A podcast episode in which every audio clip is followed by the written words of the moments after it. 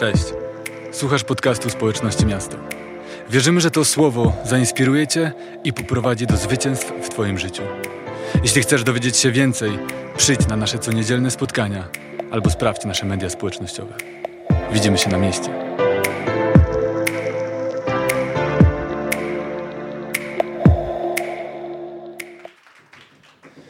Bardzo dziękuję.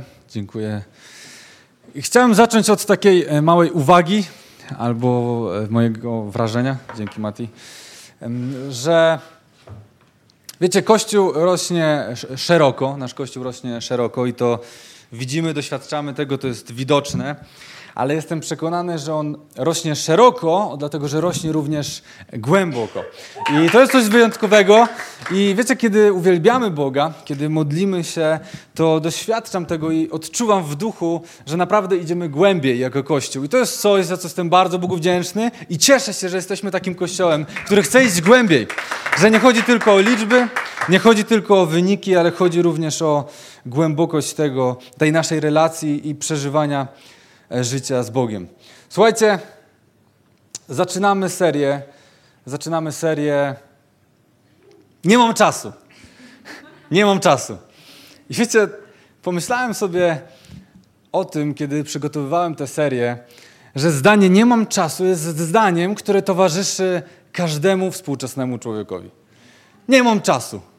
Wiecie, świat jest pełen wszystkiego. Świat jest pełen projektów, jest pełen e, pracy, możliwości, zadań, jakichś kontraktów, jakichś e, wyzwań. Świat jest pełen wszystkiego i to sprawia, że tempo naszego życia przyspiesza i przyspiesza. I wydaje się, że człowiek dzisiaj osiąga jakieś granice swoich możliwości, ale każde kolejne pokolenie udowadnia, że można jeszcze trochę przyspieszyć że można jeszcze trochę więcej włożyć do tego życia.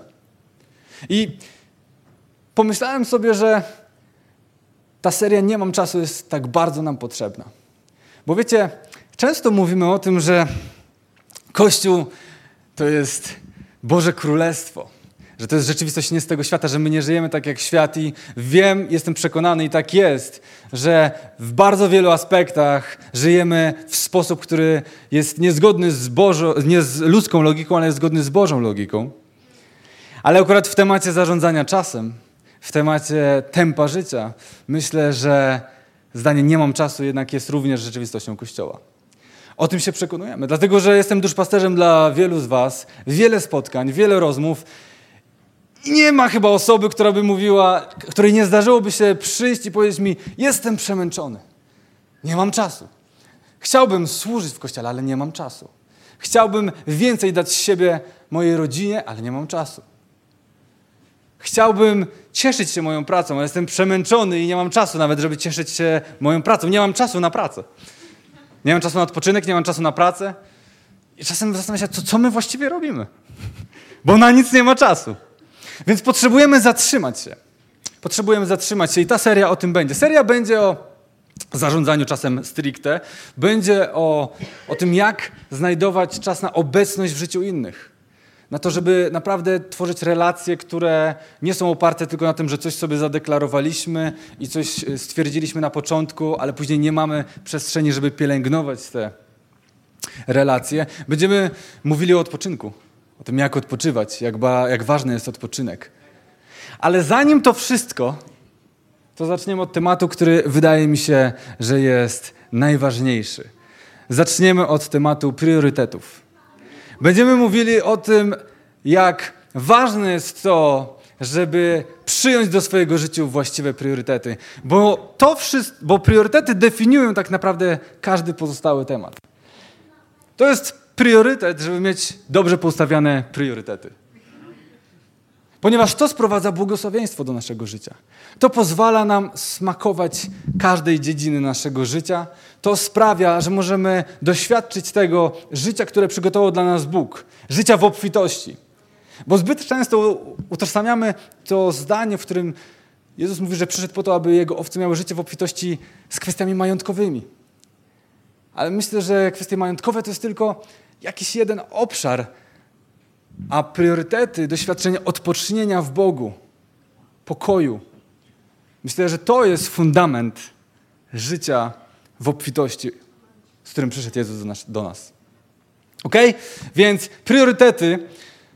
I słuchajcie, zaczniemy od grafiki, którą przygotowała moja żona, ponieważ to, co za chwilę zobaczycie na ekranie, o właśnie to, to jest schemat priorytetów, z którym większość z Was mogła się spotkać gdzieś. Na jakimś nauczaniu, w jakiejś książce.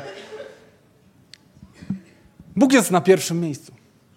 Oczywiście, chrześcijańskie książki nie mogą inaczej nauczać. Mąż i żona. Dzieci są na trzecim miejscu i oczywiście, właśnie to jest bardzo ważne. Żona musi być, czy, czy mąż, ponad dziećmi w naszych priorytetach. Nie mogą się te role odwrócić. Potem mamy pracę, potem są nasze pasje. Są różne warianty tej grafiki.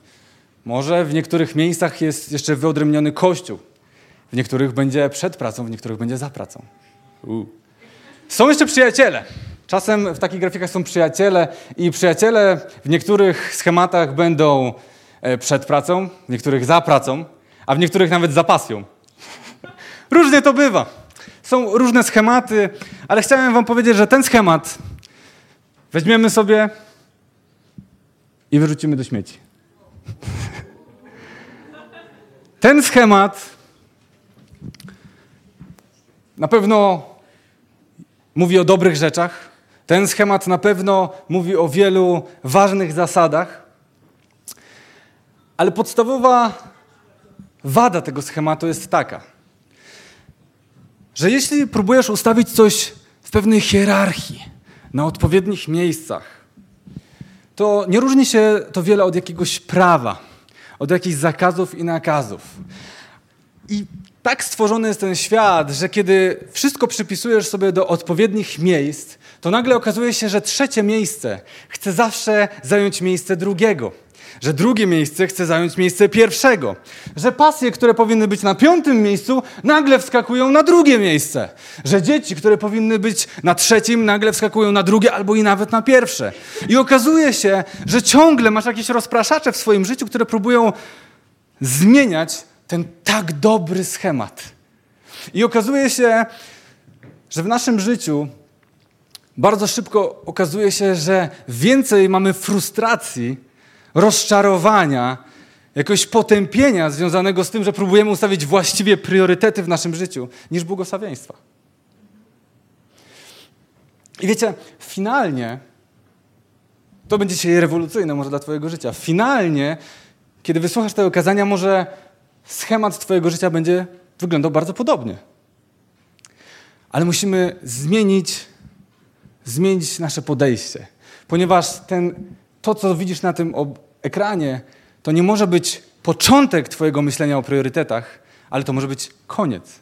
To może być efekt. Dlatego, że w ustalaniu priorytetów w życiu bardziej niż o miejsca chodzi o pewne zasady. Bardziej niż o to, żeby ustawić wszystko w odpowiednim miejscu, chodzi o to, jakimi zasadami się kierujesz, kiedy myślisz o priorytetach w Twoim życiu.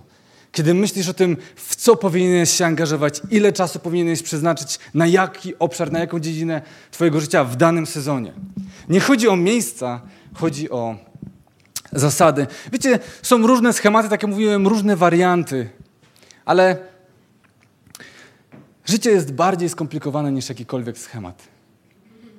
Nie możemy zaznaczyć sobie jakiegoś schematu z fajnej książki, zrobić Ctrl-C i Ctrl-V do naszego życia. Okazuje się, że każdy z nas jest indywidualnym przypadkiem, każdy z nas potrzebuje czegoś innego w danym sezonie. Okazuje się, że ten schemat bardzo często nie sprawdza się po prostu. Jesteś sfrustrowany tym, bo gdyby ten schemat się sprawdzał, to nie byłoby tak, że 90% ludzi w kościele byłoby przemęczonych. Czułoby, że jakieś obszary ich życia wymyka się spod kontroli. I może jest 50% osób, dla których ten schemat jest właściwy, ale okazuje się, że to tylko 50%. Że to tylko 50%. A więc bardziej niż o miejsca, na jakich ustawiasz swoje priorytety, chodzi o zasady. Widzę przerażenie w oczach niektórych z Was, ale nie martwcie się. Będziemy mówić o tych zasadach. Będziemy mówić o tych zasadach. I słuchajcie, pierwsze rzeczy muszą być pierwsze, więc pierwsza zasada brzmi tak. Bóg zawsze pierwszy i tylko pierwszy. Bóg zawsze pierwszy i tylko pierwszy. To jest pierwsza zasada. Możemy już zdjąć ten schemat, żeby nie mylił nikogo. I to nie jest zasada, którą ja sobie wymyśliłem, przygotowując, a jaką by tu zasadę wymyślić na, na kazanie o priorytetach, tak żeby dać właściwe miejsce dla Boga. Nie. To jest zasada, którą, o której czytamy już w Księdze Wyjścia, kiedy Bóg kodyfikuje po raz pierwszy swoje standardy, swoje zasady dla swoich ludzi. Więc czytamy w Księdze Wyjścia w 20 rozdziale 10 przykazań, które są kwintesencją tory, kwintesencją prawa, które Bóg daje swoim dzieciom. I w 20 rozdziale czytamy, że pierwszą zasadą, pierwszym naszym przykazaniem i pierwszym przesłaniem i tym, co jest dla Boga tak ważne i od czego wszystko się zaczyna, jest właśnie ta zasada. Ponieważ czytamy od trzeciego wersetu. Nie oddawaj czci innym Bogom obok mnie. Nie rzeź sobie bóstw, ani nie czyń żadnych wyobrażeń czegokolwiek, co jest wysoko na niebie, albo nisko na ziemi, albo głęboko w wodzie. Nie składaj temu pokłonów, ani nie oddawaj czci, ponieważ ja, Pan Twój Bóg, jestem Bogiem zazdrosnym. Dochodzę winy ojców na synach do trzeciego i czwartego pokolenia tych, którzy mnie odrzucają, a okazuję łaskę tysięcznym pokoleniom tych, którzy mnie kochają i przestrzegają moich przykazań. Bóg jest Bogiem zazdrosnym. Ale jak to? Doskonały Bóg, który jest miłością, ma w sobie jakąś cechę, której, ej, zasadniczo nie lubimy. Jeśli w swoim związku doświadczasz tego, że druga strona jest wciąż zazdrosna, to raczej macie problem w związku, a nie tak, super, ona jest zazdrosna, o to chodzi. To jest Boża cecha. Albo kiedy, kiedy spotykamy ludzi, którzy są ciągle zazdrośni i mówią o tym, jak zazdroszczą innym ludziom, to raczej nie, nie, mamy pozytywnych skojarzeń z tą osobą. Raczej to nie, są, to nie jest materiał na przyjaciela, na jakąś osobę, z którą chcemy przebywać i karmić się jej tym, co ona mówi. Tylko mówimy raczej, okej, okay, dobra, fajnie, to ja pójdę teraz sobie już na kawę. Nie, ale wiecie, kiedy autor biblijny pod natchnieniem Ducha Świętego daje jakieś słowo, które ma opisać Boga, to musimy pamiętać, że Bóg nie jest taki jak my że pewne opisy Boga mają służyć temu, żebyśmy my jako ludzie, ograniczeni w swojej mądrości, w swoim zrozumieniu, w swoim postrzeganiu, w swojej percepcji, żebyśmy my mogli poznać jakoś Boga. Bóg jest duchem, czytamy, Bóg jest transcendentny. Nie jesteśmy w stanie określić Boga i zmierzyć Go swoimi miarami. Dlatego autor biblijny pod natchnieniem Ducha Świętego opisuje Go w jakiś sposób. W tym wypadku opisał Go jako Boga zazdrosnego. Ale o co chodzi w tej zasadzie? Bóg nie chce dzielić miejsca w Twoim życiu z Twoją pracą. On nie chce dzielić miejsca w Twoim życiu z pieniędzmi. W Nowym Testamencie czytamy, nie możesz służyć Bogu i mamonie. On nie chce dzielić Twoim, w twoim życiu miejsca z Twoimi dziećmi, a nawet z Twoją żoną. Nie. On jest Bogiem, który tak bardzo Ciebie ukochał, który tak bardzo pragnie błogosławieństwa dla Twojego życia, że mówi: Chcę mieć Ciebie na wyłączność. Chcę być na priorytetowym miejscu w Twoim życiu, ponieważ kiedy postawisz mnie na pierwszym miejscu, przyjdzie błogosławieństwo dla tysięcznego pokolenia. Czytamy. To znaczy, przyjdzie błogosławieństwo dla Ciebie, dla Twoich dzieci, dla ludzi, którzy są wokół Ciebie, może dla Twojej firmy, dla ludzi, którzy są Twoimi pracownikami, dla ludzi, którym dajesz pracę. On mówi: Pozwól mi być Panem Twojego życia, a zobaczysz, czym jest błogosławieństwo aż po tysięczne pokolenie. Jestem Bogiem zazdrosnym, jesteś moim stworzeniem, należysz do mnie. I tylko kiedy będę w Twoim życiu na pierwszym miejscu, tylko wtedy będziesz miał ten kanał łaski. Kanał łaski, w którym przez Jego mądrość, przez Jego moc, przez Jego działanie Ducha Świętego, przez to wszystko będziesz wiedział, jak ustawiać priorytety w swoim życiu. Jest zdanie bardzo ważne.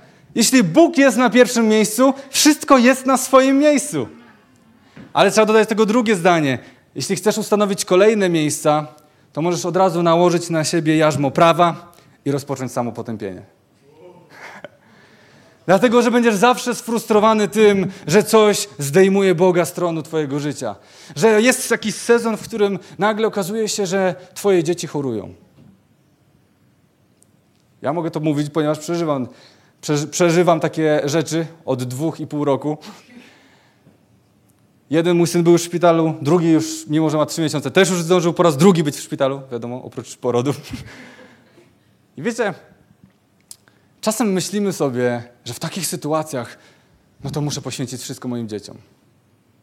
I myślimy, że przestawiając dzieci na pierwsze miejsce, robimy dla nich coś bardzo dobrego. Wcale nie. Właśnie w tym momencie wszystko psujesz. Właśnie w tym momencie szkodzisz swoim dzieciom. Dlatego, że kiedy twoje dzieci są chore, to najlepsze, co możesz zrobić, to cały czas być w modlitwie, cały czas być w uwielbieniu, cały czas być we wstawiennictwie. I Bóg w swojej mądrości, w swojej łasce i w działaniu Ducha Świętego będzie prowadził ciebie i mówił tobie, jak poukładać w tym sezonie całą resztę. Bardzo często ten stary schemat mówi, Bóg jest na pierwszym miejscu i mówimy, jeśli Bóg jest na pierwszym miejscu, wszystko jest na swoim miejscu. No ale właśnie problem polega na tym, że jeśli są kolejne miejsca, to bardzo często nie jest wszystko na swoim miejscu. Jeśli Bóg jest na pierwszym miejscu, to masz wystarczająco mądrości przez Ducha Świętego, aby wszystko inne było na właściwym miejscu w każdym sezonie. Come on! To jest bardzo dobre przesłanie. Come on! Dobrze, a więc a więc pierwsza zasada, Bóg jest pierwszy, zawsze pierwszy i tylko pierwszy. Mamy drugą zasadę. Przeżywaj zamiast odhaczaj. Przeżywaj zamiast odhaczaj. Wiecie, z moim Bogiem chcę mieć głęboką relację. Chcę mieć czas na rozmowę z Nim. Chcę mieć czas na słuchanie Jego głosu. Z moją żoną chcę mieć bardzo intymną relację. Chcę być zarówno dla niej kimś, kto jest bardzo blisko, w sposób intymny. Chcę, być, chcę, mieć, chcę mieć czas na rozmowy z nią. Chcę przyjaźnić się z moją żoną. Chcę adorować ją. Chcę mieć czas na randki z moją żoną. Z moimi dziećmi chcę mieć relację bardzo otwartą. Chcę mieć czas na wygłupy z nimi i również chcę mieć czas na to, żeby przeprowadzać poważne rozmowy i kształtować je. W mojej pracy chcę być przykładem. Chcę być światłością. Chcę naprawdę, żeby działać z duchem doskonałości. Chcę, żeby ludzie widzieli to, co robię w mojej pracy i mówili: Wow, w taki sposób każdy powinien pracować. Chcę mieć też czas na moje przyjemności, na moje pasje. Jeśli Bóg włożył w moje serce jakieś rzeczy, które sprawiają mi radość, to wiem, że zrobił to dlatego, że chce, żebym cieszył się życiem. Chcę mieć na to czas. Chcę oczywiście mieć również czas dla moich przyjaciół. Chcę być obecny w ich życiu, chcę im towarzyszyć. Chcę po prostu mieć głęboką relację, która nie wynika tylko z tego, że kiedyś się poznaliśmy i trwa to już 10 lat, ale chcę po prostu przez te 10 lat cały czas być obecnym w ich życiu. Mega, co? To jest życie. Takie są moje pragnienia. Myślę, że Twoje też. Myślę, że Twoje też. Dlatego, że chcemy przeżywać nasze życie. Nie chcemy odhaczać tylko zadań. Nie chcemy ogarniać tasków, które mamy do zrobienia. Chcemy przeżywać i smakować życie. Chcemy być w pełni zaangażowani w to wszystko, co składa się na nasze życie. I może myślisz, wspaniała zasada, ale jak na to znaleźć, na to wszystko znaleźć czas? Kiedy próbuję zaangażować się w moją pracę, nagle okazuje się, że moja rodzina jest całkowicie zaniedbana. Kiedy poświęcam się moim dzieciom, nie mam czasu już na randkowanie z moją żoną. Kiedy poświęcam się swoim pasjom, okazuje się, że nie mam czasu dla przyjaciół. No właśnie. No właśnie. Ta zasada prowadzi nas do jednego wniosku. Jeśli nie masz czasu na przeżywanie tych wszystkich obszarów swojego życia, to znaczy, że tempo jest zbyt duże. To znaczy, że tempo jest zbyt duże. To znaczy, że Bóg mówi ci zwolnij. Jeśli nie masz czasu na to, żeby poświęcać się wszystkiemu, nie masz na to czasu w ciągu jednego tygodnia, to znaczy, że musisz te wszystkie rzeczy rozłożyć na dwa tygodnie. Jeśli nie masz czasu w ciągu dwóch tygodni, to musisz je rozłożyć na trzy, cztery, a może na cały rok. Wiecie, kocham nasz kościół i patrzę, teraz będzie do młodych, do młodego pokolenia. Patrzę na wielu młodych ludzi w tym kościele i widzę, że jesteście ambitni. Widzę, że jesteście ludźmi, którzy nie marnują czasu, chcą się rozwijać, chcą służyć Bogu, chcą wchodzić w, i budować wspaniałe relacje, chcą zarabiać pieniądze i błogosławić tymi pieniędzmi Kościół i świat i ludzi. Macie wspaniałe marzenia i cele, ale nie skończyliście jeszcze trzydziestki. I wiecie, kiedyś moja mama powiedziała mi bardzo ważną rzecz, która totalnie mnie uwolniła i chcę dzisiaj powiedzieć to również wam. Zacząłem sobie myśleć, że nie zrobiłem jeszcze tego czy tamtego, że moje życie teraz trochę przystopowało w jakichś obszarach. I tak trochę się żaliłem mojej mamie i tak mówiłem, trzeba coś zrobić, muszę coś zrobić z tymi tematami. A ona mówi, Alek, ty masz wspaniałą rodzinę, dwójkę dzieci, masz już mieszkanie, które jeśli chcesz może być twoim docelowym, masz wspaniałą służbę, Możesz głosić w różnych miejscach, masz kościół, w którym są cudowni ludzie, który rośnie, rozwija się i nie masz jeszcze trzydziestki. Jeśli czegoś nie zdążysz zrobić przed trzydziestką, nic się nie stanie. Naprawdę nic się nie stanie. Chcę powiedzieć to również wam. Jeśli nie będziesz miał swojego własnego domu przed trzydziestką, nic się nie stanie. Jeśli nie będziesz zarabiał 10 tysięcy przed trzydziestką, nic się nie stanie. Jeśli nie będziesz miał wspaniałej służby, która będzie wpływała na cały kraj, nic się nie stanie. Możesz poczekać do przekroczenia 40, możesz nawet do 50. Kiedyś, kiedy zaczynałem służbę w kościele, jeden pastor powiedział mi, bo mówiłem mu o tym, jakie mam pragnienia, marzenia i wizję dotyczącą kościoła, on powiedział, daj sobie na to całe życie. I to mnie trochę zbiło z tropu, ponieważ ja myślałem, no nie, no, trzeba to zrealizować za 3-4 lata, no bo wtedy to co ja będę robił? To wtedy znaczy, że nic się nie dzieje w tym kościele. Daj sobie na to całe życie. Chcesz kościoła, który ma 150 osób i tworzy służbę uwielbienia, która wpływa na ten kraj? Super! Daj sobie na to całe życie. Kolejna rzecz, która totalnie mnie uwolniła. Ponieważ ja myślałem, że no to się musi dziać z roku na rok. Ja muszę dzielić się liczbami, wynikami. Ja muszę widzieć, jak po prostu to wszystko rośnie, kwitnie, jak jest kocioł, wszystko się dzieje. A może nie, może właśnie wystarczy, że będzie że dam sobie na to całe życie i będę obserwował, jak Bóg przez całe życie stworzył coś wspaniałego. Co dojrzewało, co kształtowało się, co miało różne sezony. I będzie ok. Będzie ok, jeśli przez, te, przez to całe życie będę przeżywał każdego obszaru, każdy obszar mojego życia. Jeśli będę przeżywał i cieszył się tym, ile osób przyjmuje chrzest, że jest o jedną osobę więcej niż w zeszłym roku. Będę cieszył się tym, że jacyś ludzie podejmują decyzje w służbie. Będę cieszył się tym, że moje dzieci dorastają, że mają co jeść, że się uśmiechają i cieszą. Będę cieszył się tym, że mam mieszkanie, że mam jakiś samochód i że mogę go mieć nawet 15 lat i jest spoko. I wszystko jest spoko. I przeżywam to i cieszę się. I chcę to powiedzieć również Tobie. Nie skończyłeś jeszcze trzydziestki. Nie musisz wszystkiego zrobić w tym sezonie, w tym czasie. Daj sobie na to całe życie. Przeżywaj zamiast odhaczaj. Bo może być tak, że wrzuciłeś jakiś schemat do swojego życia. Wszystko jest poustawiane. Masz poukładane pierwsze, drugie, trzecie, czwarte, piąte miejsce w Twoim życiu.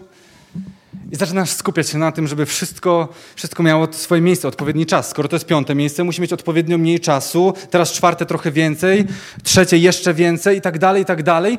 Jesteś tak skupiony na tym, żeby wszystko się zgadzało, żeby wszystko się układało, że szybciej okazuje się, że to jest przekleństwo, że jesteś tak zmęczony i sfrustrowany, że nie masz czasu cieszyć się tymi wszystkimi dobrze poukładanymi rzeczami. Nieraz spotykałem się z sytuacją, kiedy ktoś czy to w temacie priorytetów, czy to w temacie budżetu, układał sobie jakiś plan. A później, kiedy widział, że to wszystko nijak się ma do rzeczywistości i wymyka mu się spod kontroli, to nawet nie próbował iść tym planem, który troszkę się zmienia, tylko po prostu był już tak sfrustrowany i załamany, że całkowicie puszczał to. I okazywało się, że lepiej było, kiedy w ogóle nie próbował jakiegoś schematu włączyć do swojego życia, niż teraz, kiedy spróbował włączyć, nie wyszło i totalnie się rozłożył i załamał. Więc przeżywaj zamiast odhaczaj. Ok, mamy już dwie zasady, jest trzecia zasada. Trzecia zasada mówi nam o tym, że ważniejszym od jakiegokolwiek schematu jest owoc Twojego życia. Owoce są ważniejsze od schematów. to owoc Twojego życia wyznacza, czy jesteś w Bożym prowadzeniu. To jest coś cudownego. Jeśli nie ogarniasz totalnie chrześcijaństwa i w ogóle ciągle się gubisz, ciągle ci się wydaje, nie wiesz za czym masz iść, jakim, jakie doktryny, jakim doktrynom masz ufać, jakich ludzi masz słuchać, to słuchaj, są trzy no, podstawowe zasady chrześcijaństwa biblijne, które wystarczy zastosować i wszystko inne jest tego konsekwencją. Pierwsza zasada mówi o tym, że miłość zawsze zwycięża. Kieruj się tą zasadą i zobaczysz, że naprawdę wszystko inne będzie konsekwencją tego. Druga zasada, totalnie uniwersalna i cudowna w swojej doskonałości, to zasada dziesięciny. Jest cudowna, ponieważ ona sprawdza się, to jest zawsze proporcja adekwatna do tego, jak się dzieje w Twoim życiu i zawsze przynosi błogosławieństwo do Twojego życia. Druga zasada, która ogarnia wszystkie, powiedzmy, materialne tematy Twojego życia. I trzecia zasada to właśnie zasada owocności. Że owoce wyznaczają, czy to jest dobra droga, czy to jest dobra rzecz, czy to jest dobra relacja, czy może odwrotnie. Za chwilę przeczytamy. Trzy zasady. Chrześcijaństwo jest proste. Chrześcijaństwo naprawdę nie jest skomplikowaną historią. Trzy zasady życia, które mogą zmienić całkowicie Twoją rzeczywistość. Ale dzisiaj jesteśmy w zasadzie, przy zasadzie owocności. Mateusza, siódmy rozdział, od 15 wersetu czytamy tak. Strzeżcie się fałszywych proroków. Przychodzą oni do was w owczej skórze, wewnątrz jednak są drapieżnymi wilkami. Rozpoznacie ich po ich owocach. Bo czy zbiera się winogrona z cierni albo figi z ostu? Podobnie każde dobre drzewo wydaje dorodne owoce, a drzewo zepsute owoc bez wartości. Dobre drzewo nie może wydawać marnych owoców, a drzewo zepsute dorodnych. Każde drzewo, które nie wydaje dorodnych owoców, wycina się i wrzuca do ognia. Rozpoznacie ich zatem po ich owocach. To jest zasada, która jest totalnie uniwersalna również w duszpasterstwie. Mamy tu paru duszpasterzy. Słuchajcie, jak ludzie przychodzą i pytają się, czy to jest dobre, czy złe, co robię, czy tak, czy jak myślisz, co o tym sądzisz, to nie musisz próbować tego jakoś ocenić według swojej moralności, sprawiedliwości, swojego doświadczenia, ale po prostu mów o owocach. Jakie są owoce tego, co robisz? Jakie są owoce tego, co robisz? Ponieważ dobre drzewo, dobra rzecz nie może wydać złych owoców, a złe drzewo nie może wydać dobrych. Może niedobrze, że powiedziałem to na forum, bo teraz ludzie nie powiedzą, że nie potrzebują duszpasterskich spotkań. Wszystko już jest jasne. Zasada owocności. I wiecie, jeśli poukładałeś sobie coś według jakiegoś poradnika, według jakiegoś schematu i okazuje się, że to nie sprawdza się w twoim życiu, to naprawdę nie chodzi mi o to, żeby teraz skrytykować wszystkich, którzy dzielą się jakimś schematem. Ale po prostu ten schemat nie działa dla twojego życia. I nie możesz frustrować się i mówić, ale przecież to jest dobry schemat, przecież ten schemat musi działać, przecież tak gdzieś było napisane, tak u jakiegoś chrześcijanina się to sprawdza. Ale jeśli to nie przynosi dobrych owoców w twoim życiu, to znaczy, że ten schemat nie jest dla ciebie. I jedyne, co, do czego chcecie zachęcić, bo wierzę, że to przynosi błogosławieństwo i to zmienia totalnie naszą perspektywę, to żebyś skupił się bardziej niż na miejscach i schematach, skupił się na zasadach, które mają przynosić owoce w Twoim życiu. Bo jeśli Bóg będzie pierwszy, zawsze pierwszy i tylko pierwszy, jeśli skupisz się na tym, żeby przeżywać, a nie odhaczać, i jeśli będziesz bardziej odhaczał niż przeżywać, to zwolnisz swoje tempo, i jeśli będziesz myślał nie schematami, ale owocami Twojego życia, to wierzę, że przyjdzie błogosławieństwo aż po tysięczne pokolenia. Amen? Amen. Trzy zasady.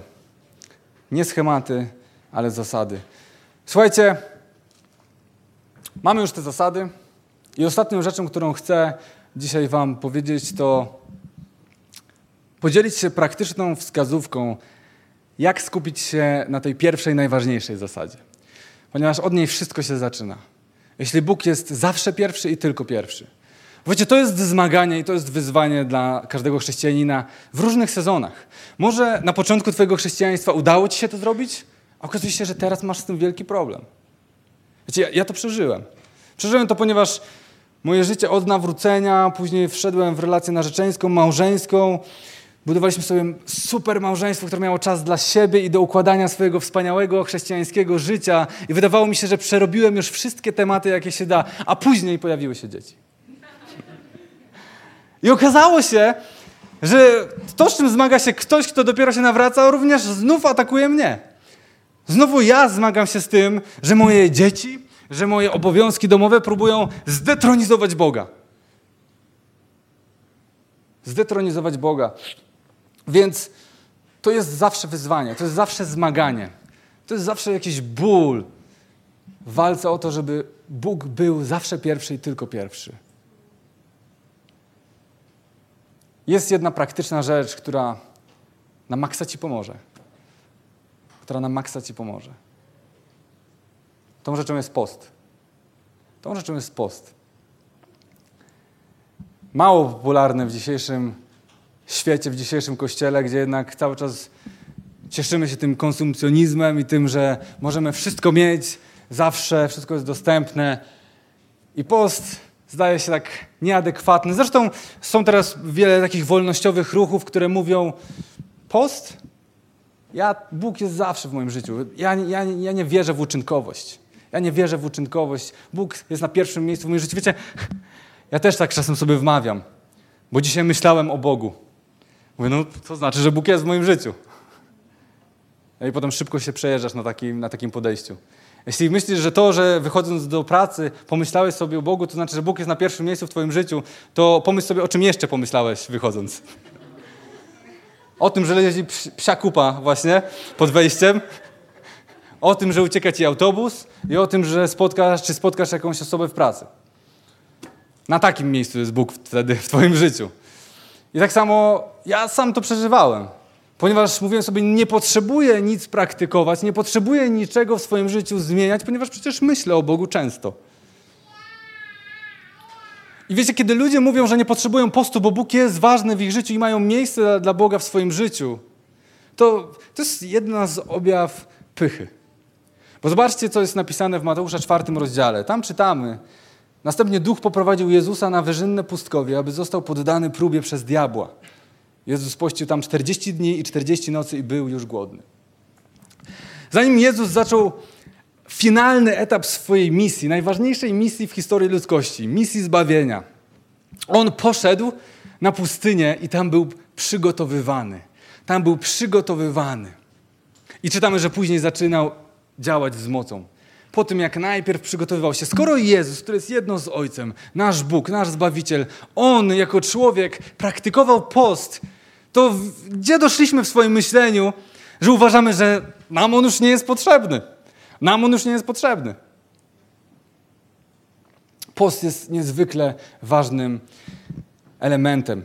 I myślę, że może masz złe myśli na temat tej praktyki, albo jesteś zniechęcony, ponieważ masz złe wyobrażenie, czym jest ten post. Może bardzo on ci się kojarzy z tym, że w piątek jemy tylko rybkę, a nie jemy wędlinki. Może kojarzyć się z tym, że masz wtedy chodzić głodny i że masz wtedy, nie wiem, właśnie bardzo skupia się na tym, że jedzeniu i na tym, co będziesz jadł, a czego nie będziesz jadł. I na tym, że potem cię boli głowa, potem cię boli brzuch i tak dalej, i tak dalej, i tyle różnych historii. Ale pozwólcie, że podzielę się moją definicją postu. Post jest wypuszczeniem czegoś, co zajmuje miejsce w Twoim życiu i wpuszczeniem w to miejsce Boga. Jeszcze raz. Post jest wypuszczeniem z Twojego życia czegoś, co zajmuje tam miejsce i wpuszczeniem w to miejsce Boga. Bo okazuje się, że w Twoim życiu jest wiele rzeczy, które zajmują to miejsce i nawet nie myślałeś o tym, że przez to brakuje miejsca dla Boga. Dlatego nie chodzi tylko o jedzenie. Może akurat w Twoim życiu to jest kwestia jedzenia, tego, że masz wypuścić trochę tego miejsca, w którym zawsze jesteś syty, zawsze jesteś najedzony. Może chodzi o słodycze, może chodzi o właśnie mięso, cokolwiek, ale może chodzi o media społecznościowe.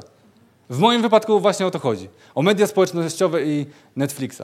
Ponieważ kiedy jestem tak zmęczony często, tak przemęczony, że kiedy wracam do domu, kiedy dzieci już śpią, to jedyne co mam ochotę zrobić to zresetować się przejeżdżając Wola, a później włączyć z moją żoną serial na Netflixie.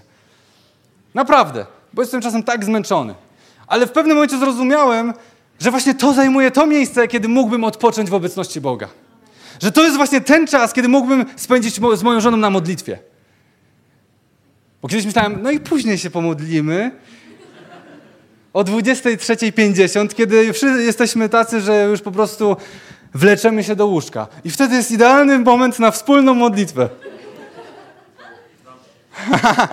no właśnie. No właśnie, nie.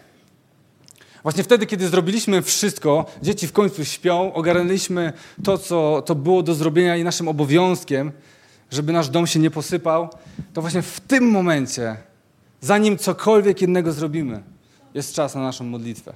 Jest czas na zbliżenie się do Boga. A później, jak starczy sił, to kolejny sezon. To kolejny sezon. Słuchajcie, a więc musimy wypuszczać pewne rzeczy z naszego życia. Może to jest jakaś Twoja pasja, jakieś Twoje hobby. Może w weekend, kiedy miałbyś czas na to, żeby naprawdę poczytać słowo, pomedytować, zrobić jakieś notatki w Twoim duchowym dzienniku, Ty zawsze w sobotę wsiadasz w auto i jedziesz na ryby. I cały dzień spędzasz na rybach, cały dzień jeździsz sobie na wieżycy, y, na nartach, cokolwiek. I nie masz na to czasu. Musisz wypuścić pewne rzeczy z Twojego życia i wpuścić tam Boga. Jeśli nie miałeś nigdy styczności z postem, to w naszym kościele praktykujemy to regularnie. Każdego dnia ktoś modli się i ktoś pości o rzeczy, które są ważne dla kościoła, ale również możesz dołączyć do tego swoje intencje po prostu. Jeśli dla ciebie jest wyzwaniem, żeby pościć przez tydzień w jakimś obszarze albo przez miesiąc, to spróbuj jeden dzień. Amen. Są osoby, które są w to zaangażowane. Dobra, ale to nie jest jeszcze koniec. Ponieważ jest pewien owoc postu. Bo na razie powiedziałem, że post jest fajny, bo jest więcej Boga w Twoim życiu. I wiem, że nie wszystkich to jara. Wiem, że może w ogóle czujesz moralnie, że tak powinieneś się tym jarać, ale tak praktycznie to się tym nie, nie jarasz, bo po prostu ci powiedziałem, że będziesz sobie czegoś odmówisz, a będzie więcej Boga w Twoim życiu. I zdaję sobie z tego sprawę. Prowadzę kościół w XXI wieku. Kościół milenialsów. Wiem o co chodzi. Słuchajcie, więc nie pozostawię tego w ten sposób. Słuchajcie, na koniec tej historii o poście Jezusa czytamy takie słowa. Kiedy diabeł przyszedł z ostatnią pokusą, czytamy, wówczas Jezus skierował do niego słowa: Odejdź, szatanie, gdyż jest napisane: Panu swojemu Bogu będziesz oddawał pokłon i służył jedynie jemu. Wtedy diabeł zostawił go, a zbliżyli się aniołowie i służyli mu. I mamy dwa praktyczne wnioski, dwie praktyczne rzeczy, które są związane z postem. Ponieważ kiedy Jezus podczas ostatniej pokusy, ostatniej, ostatniej próby mówi: Będę służył tylko Bogu, ponieważ Jego wola i ta misja, którą On dał mi na ziemi, jest dla mnie najważniejsza i tylko Jemu będę oddawał chwałę. Czytamy, że po pierwsze, co? Diabeł odstąpił. Kiedy pościsz w swoim życiu i kiedy robisz przestrzeń na to, żeby Bóg mógł, żeby Boga mogło być więcej, to wtedy tworzy się właśnie ten kanał łaski, gdzie Bóg w swojej mądrości, w swojej łasce i w swojej mocy prowadzi cię do tego, żeby wszystko było na swoim miejscu, żeby wszystko było poukładane tak, jak należy i żeby diabeł ze swoimi pokusami nie mógł już ciebie atakować. Bo wiecie, kiedy żyjesz według schematu, diabeł nieustannie próbuje ci wepchnąć pewne dobre rzeczy, jak twoje dzieci, jak twoje pasje, jak twoja praca, na miejsce Boga. Ale kiedy pościsz i kiedy jesteś gotów na to, by odpowiedzieć tak jak Jezus, tylko Jemu będę dawał chwałę i On jest zawsze pierwszy i tylko pierwszy, wtedy diabeł odstępuje. Wtedy jesteś tak wyczulony na Jego głos, jest Go tak dużo w Twoim życiu, że już nie zmagasz się z tym, co diabeł mówi, ponieważ słyszysz tylko Boga, który mówi do ciebie wyraźnie, który mówi do ciebie w obfitości, który ciebie nie zostawia swoimi problemami i zmaganiami. Come on. Więc mamy Pierwszy praktyczny wniosek. Diabeł odstępuje. Zbliżcie się do Boga, a diabeł odstąpi, a diabeł ucieknie. Ale jest też druga rzecz, która będzie cieszyć Was jeszcze bardziej. Ponieważ czytamy, że diabeł odstąpił, ale przyszli aniołowie, którzy zaczęli służyć Jezusowi. Zaczęli służyć Jezusowi. Czytamy w psalmach o tym, że Bóg posyła swoich aniołów, aby oni nas chronili, aby oni nas prowadzili, aby oni troszczyli się o to, byśmy nie urazili stopy o kamień. Znany fragment. Kiedy zaczynasz pościć i pozwalasz, żeby Bóg był jedynym Bogiem, to tak jak czytaliśmy w Księdze Wyjścia, On przychodzi ze swoim błogosławieństwem. Robisz miejsce na to, żeby nie tylko słyszeć Jego głos i znać Jego wolę, ale robisz miejsce również na błogosławieństwo, które On chce wlać do Twojego życia. On chce, żeby życie przynosiło Tobie dobre dary, bo On jest Ojcem i źródłem wszelkiego dobrego daru, jak czytamy w Nowym Testamencie. Robisz miejsce na to, aby Bóg mógł przyjść z błogosławieństwem, które przygotował dla Ciebie. Produkuje się tu dla Was, kochani. Come on! Musimy w to uwierzyć. On chce Ciebie błogosławić i jest dobrym Bogiem. On nie chce, żebyś jedynie pościł i umartwiał się, tak jak w średniowieczu wierzyli w to chrześcijanie. To nie jest Jego jedyny cel. On chce, żebyś rzeczywiście wypuścił coś ze swojego życia, ale żeby to miejsce było zapełnione Jego błogosławieństwem. Bo nie jest Bogiem, który chce nas karać i chce nas przeklinać. On jest Bogiem błogosławieństwa. On każe trzecie i czwarte pokolenie, ale błogosławi tysięczne. Come on.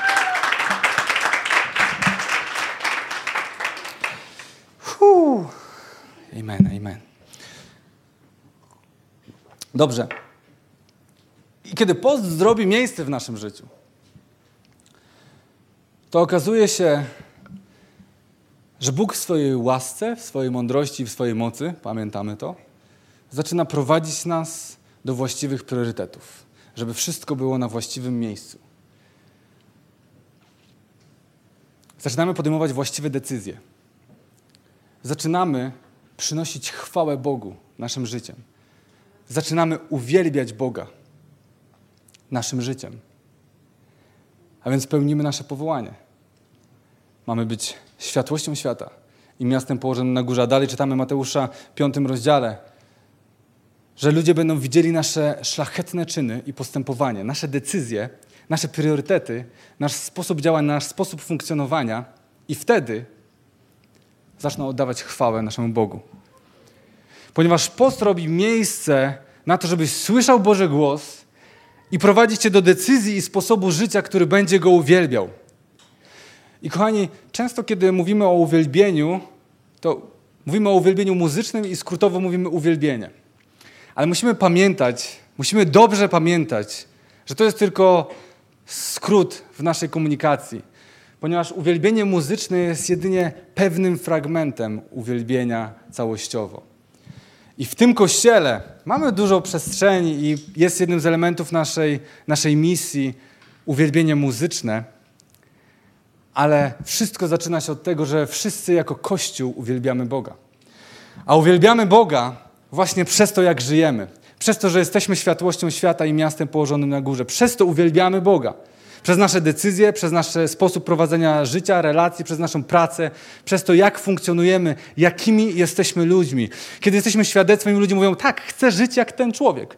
To jest chrześcijaństwo. Zawsze z Adamem, z Mańskiem, z ludźmi nauczamy właśnie w ten sposób. Od kiedy zaczęliśmy prowadzić społeczność, to mówimy, tu nie chodzi o to, żeby mieć najlepszą doktrynę, tu nie chodzi o to, żeby mówić, jesteśmy lepsi od kogoś innego, tu chodzi o to, żeby żyć w taki sposób, by inni ludzie powiedzieli, ej, Ci ludzie mają takie owoce w swoim życiu, ja też chcę mieć takie owoce w swoim życiu, więc będę robił to, co oni, będę uwielbiał tego Boga, którego oni uwielbiają. To jest chrześcijaństwo, to jest uczniostwo. I o nic więcej w tym nie chodzi. Chcemy być świadectwem. A post robi miejsce na to, byś mógł zacząć słyszeć Boży głos i uwielbiać Boga swoim, swoim życiem. I powiesz, fajnie, fajna wizja, fajna perspektywa, masz gadane kolego, ale ja jestem już chrześcijaninem nie od wczoraj. I ja wiem, że łaska jest bardzo ważnym elementem chrześcijaństwa, a ty tutaj mówisz o jakiejś uczynkowości. Ty tu mówisz o jakimś poście, o jakimś uwielbianiu, o jakichś decyzjach. Co to ma w ogóle być? Słuszna uwaga. W tym kościele nigdy w życiu nie chcielibyśmy głosić uczynkowości. Broń nas, Panie Boże. Nigdy byśmy nie chcieli głosić tego, że masz jakieś uczynkami sprowadzać Bożą miłość do swojego życia. Nie. Tak wcale nie jest. Żaden uczynek nie może sprawić, że Bóg będzie bardziej Ciebie kochał. Ale każde Twoje szlachetne postępowanie może sprawić, że Ty będziesz kochał Go bardziej. Come on. Nie możesz zrobić nic, żeby Bóg bardziej Cię kochał, ale możesz zrobić tak wiele, żebyś Ty kochał Go bardziej. I o tym właśnie jest post, o tym jest uwielbienie. O tym są Twoje decyzje, o tym jest Twoje świadectwo, o tym jest to, jak prowadzisz się w swoim życiu. To nie sprawia, że Bóg bardziej Ciebie kocha, że On teraz mówi, o teraz zasługujesz na coś więcej. Nie, On kocha Ciebie doskonałą miłością, On jest miłością i On nie może Ciebie przeklinać, nienawidzić i odrzucać, kiedy powołujesz się na Jezusa Chrystusa. Ale Ty w, swoim w swojej niedoskonałości, bo tacy właśnie jesteśmy, możesz tak wiele zrobić, by zacząć kochać Go bardziej. I tego pragnę i o tym o to modlę się i o tym marzę dla naszego Kościoła i dla nas wszystkich, żebyśmy bardziej kochali Boga. I słuchajcie, w Hebrajczyków 12 rozdziale, teraz będzie fragment, który jest na topie, ponieważ w ewangelicznym środowisku wybucha taka mini afera. Wiecie, wszystkie afery w ewangelicznym środowisku są mini. Musimy uważać na to słowo afera, ponieważ wielka afera, bo wiecie, nie stanowimy nawet jednego procenta naszej, naszego kraju, naszej, naszego narodu. Więc kiedy mówimy o wielkiej aferze, to tak się zastanawiam, kogo ta wielka afera dotknęła. Więc nasza mini afera dotyka, dotyka tematu, czy klapsy są ok, czy klapsy są złe i tak dalej. I ten fragment z Hebrajczyków 12-11 jest na topie, ale ja go dzisiaj użyję w innym kontekście. Czytamy tam, żadne karcenie w chwili, gdy nas dosięga, nie sprawia nam radości, lecz łączy się z bólem. Później jednak tym, którzy dzięki niemu zostali wyćwiczeni, zapewnia pełen pokoju owoc sprawiedliwości. Pełen pokoju owoc sprawiedliwości. I wiecie, żadne zmaganie w naszym życiu, żadne, żadna walka o to, żeby wytrwać w poście, żeby wytrwać w tych właściwych priorytetach, w tych właściwych zasadach, w tym, żeby Bóg radykalnie był na pierwszym miejscu w naszym życiu, to nie jest wygodne. To nas rozciąga, a rozciąganie boli. To nas ćwiczy, a ćwiczenia bolą. Wiem coś o tym, trenuję z sumionem. Rozciąganie boli. Treningi też bolą. I o tym jest ten fragment. Rozciąganie w Twoim życiu duchowym, w Twojej wierze będzie Ciebie bolało. To będzie Ciebie bolało, ale czytamy również dalej, że później tym, którzy zostali dzięki niemu wyćwiczeni, zapewnia pełen pokoju owoc sprawiedliwości. Pełen pokoju owoc sprawiedliwości. Brzmi to całkiem dobrze. W życiu, w którym często jesteśmy targani niepokojem, zbyt dużym tempem, zbyt dużą presją, pełen pokoju owoc sprawiedliwości, kaman, ja to biorę. Chcę tego. Nikt z nas nie lubi postu, nikt z nas nie lubi zmagania się z tym, żeby ustawiać te priorytety właściwie w swoim życiu. Ale każdy z nas lubi owoc postu. Każdy z nas lubi owoc właściwych priorytetów w naszym życiu. Dlatego potrzebujemy zgodzić się na trochę bólu, na trochę rozciągania, bo później przychodzi pełen pokoju owoc sprawiedliwości i to obiecuje nam Bóg. Galacjan 6:9. Bądźmy niestrudzeni w szlachetnym postępowaniu. Jeśli w nim wytrwamy, czeka nas czas wielkich żniw. Jeśli wytrwasz w tym, żeby stawiać Boga zawsze na pierwszym miejscu. Skupisz się na tym, żeby bardziej przeżywać niż odhaczać. I skupisz się zamiast na schematach, to na owocach Twojego życia. To zobaczysz błogosławieństwo, to zobaczysz czas wielkich żniw. Come on, czy jest tutaj ktoś gotowy na czas wielkich żniw? Możemy wstać. Czy są tu osoby gotowe na pełen pokoju owoc sprawiedliwości? Come on! Czy są tu osoby gotowe na to, by postawić Boga radykalnie na pierwszym miejscu? Amen? Come on, Kościele, powiedzmy to teraz Bogu. Zaśpiewajmy do Niego i powiedzmy Mu, jesteś na pierwszym miejscu. Nie ma nikogo innego. Chcę, żebyś Ty był moim priorytetem, bo wtedy wszystko inne jest na właściwym miejscu i o to się modlę dla nas, Kościele. Abyśmy byli światłem świata i miastem położonym na górze. To jest nasze przeznaczenie. Come on, amen?